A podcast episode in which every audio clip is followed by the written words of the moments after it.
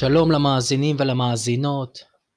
אנחנו בפרק נוסף אה, בפודקאסט אה, שלנו, אה, שבו אנחנו מדברים על סיום מערכות היחסים בצורה מהירה, בהסכמה ובלי נזקים. אני גיל שחף, עוסק בתחום דיני המשפחה מאז שנת 2002, ואני היום רוצה לקחת אתכם פנימה אל תוך אה, נבחי המשא ומתן, להציג לכם איזושהי סיטואציה, ומהסיטואציה הזאת אני רוצה שתבינו איך לא צריך להתנהג, אוקיי?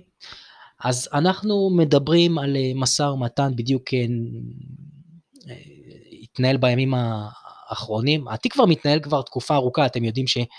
גם אחרי שמגישים אה, תביעות, אה, עדיין טוב לשמור פתח למשא ומתן, ובהרבה מאוד מקרים אנחנו מצליחים להגיע להסכמות גם לאחר שהוגשו תביעות. אה, אין, אין ספק שאחרי שמוגשות התביעות, הרבה פעמים ככה יורד מעט הלחץ, אנשים השמיעו את מה שיש להם להשמיע, שמעו גם את השופט, אה, ויש איזשהו רצון לנסות אה, להגיע להסכמות אה, כאלה ואחרות, לפעמים זה קיים, לפעמים לא, אבל זה, זה המקרה שאני רוצה לדבר עליו. אז הוגשו תביעות, כבר היינו בבית משפט איזה פעמיים, ונפתח הפתח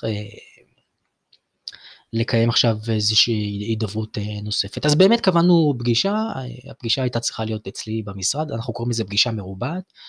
פגישה מרובעת, הכוונה היא שנפגשים שני עורכי הדין הבעל והאישה, יושבים ככה ארבעה אנשים ומדברים. אה, מעניין הוא ש... מה שמעניין, מה ש... איך אני אגיד, מה שהדליק אותי, מה שהקפיץ אותי, מה שהרגיז אותי, מה ש... מה שגורם לי שוב פעם להבין שהרבה מאוד אנשים לא יודעים איך לנהל את המשא ומתן. אה, קיבלתי מייל, קיבלתי מייל מעורך הדין של האישה, אה, ערב לפני הפגישה, ותראו מה, מה הוא כותב לי. אני ממש פותח פה את, ה, את המייל הזה מול העיניים שלי, שאני אוכל להקריא לכם את הדברים ממש אחד לאחד. אה, הוא כותב לי, עורך דין שחר אבשלום, על הפרק מספר נושאים. 1. טענות מרשתי להברחת כספים. 2. הלקוח שלך צריך להביא דפי חשבון עו"ש, עסקי, מסלקה פנסיונית, החל משנת 2018, הוא שם לי על זה גם בולד וקו מתחת. אה, דמי שימוש ראויים עבור התקופה בה התגורר מרשך בדירת הצדדים. מרשך, וככה הוא כותב. תראו, מרשך חייב להבין שלא יכולות להיות הסכמות רק מהצד של מרשתי ומהצד שלו. אה, זה לא עובד ככה ואנחנו לא נאשר את זה. ועוד יש פה המשך של האשמות, הוא כותב ככה, במשך עשרה חודשים מרשך עשה שימוש בלעדי בכספי החשבון המשותף, לא יעלה על הדעת כי מרשתי תאזן אותו בכספי, כל מיני ביטויים כאלה שלא יעלה על הדעת, והלקוח שלך יביא, ולא ייתכן, וכל מיני אמירות כאלה שאני לא אוהב אותן.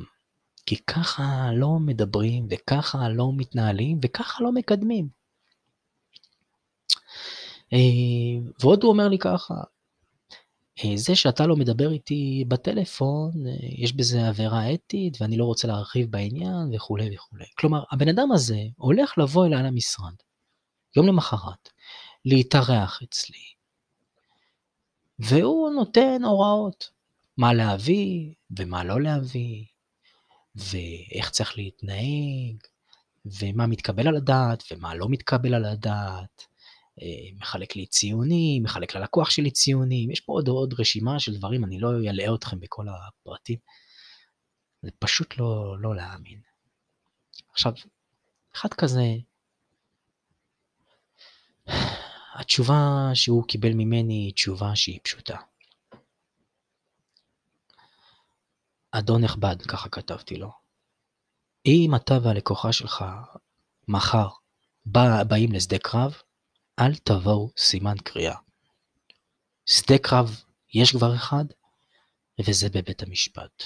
אצלי לא מנהלים שדה קרב. אם אתם רוצים לדבר, לשמוע, להקשיב, להבין, בלי התניות, בלי מסמכים, בלי במרכאות אם, אז, בלי חלוקת ציונים, בלי נפנוף בעניינים אתיים, ועם הרבה סבלנות וסובלנות, אשמח להיפגש. ואם לא, זה גם בסדר. מה אני רוצה לספר לכם? זאת אחת הבעיות שיש לנו במשא ומתן. אחת הבעיות זה שעורכי דין חושבים שהם יודעים לנהל משא ומתן, אבל הם בעצם לא יודעים.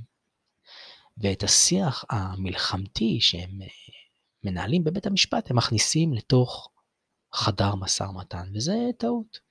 כי אם אתה בא בצורה שהיא התקפית, אם אתה בא בצורה מאשימה, אם כל הדברים ברורים לך והכל מאוד נחרץ, ואם לא באת באמת להקשיב, אז מה שקורה זה אתה סוגר את הצד השני, אתה סוגר את הצד המותקף, ואתה לא מגיע להסכמות, אז מה עשית בזה?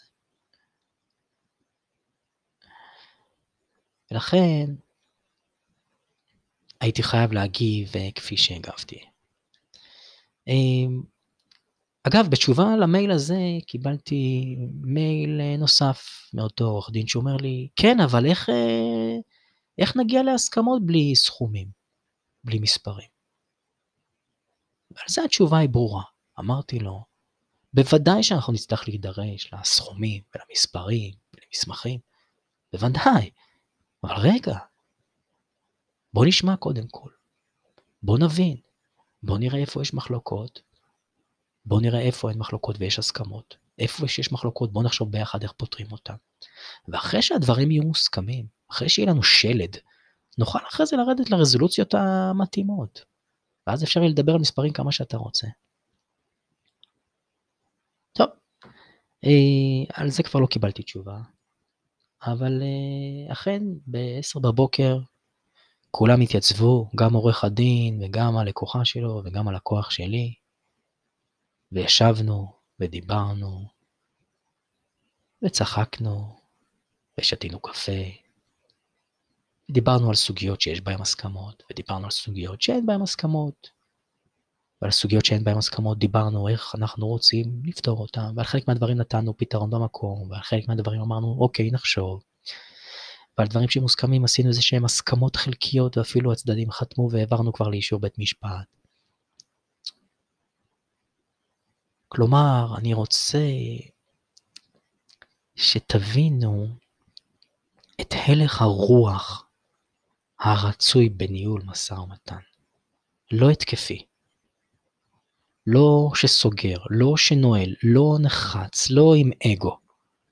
הפוך. הלך רוח אחר של סקרנות, של הבנה. אגב, הבנה זה לא אומר הסכמה, הבנה זה להבין מה הצד השני אומר, זה לא אומר בהכרח שאתה מסכים עם מה שאתה אומר. אבל תבין מה הוא אומר, תבין מה הוא אומר ותנסה להבין למה הוא אומר את מה שהוא אומר. אז אם אתם תבואו עם הלך רוח שכזה למשא ומתן, הסיכוי להצליח שם הוא הרבה יותר אה, גבוה. אה, אני מתנצל אם הלאיתי אתכם והקראתי לכם פה ממיילי, אה, אני מקווה שהצלחתם להפנים ולהבין איך אני ממליץ להגיע למשא ומתן. זהו להפעם, לפרק הזה.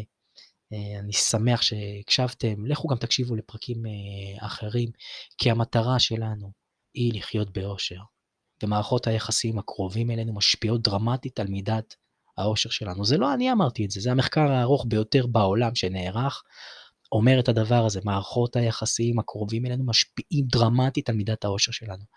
ובגלל זה אנחנו עוזרים לאנשים לסיים את מערכות היחסים שלהם, מערכות יחסים שהן לא טובות, ואנחנו אוהבים ועושים הכל בשביל זה יקרה מהר, בהסכמה, בלי נזקים.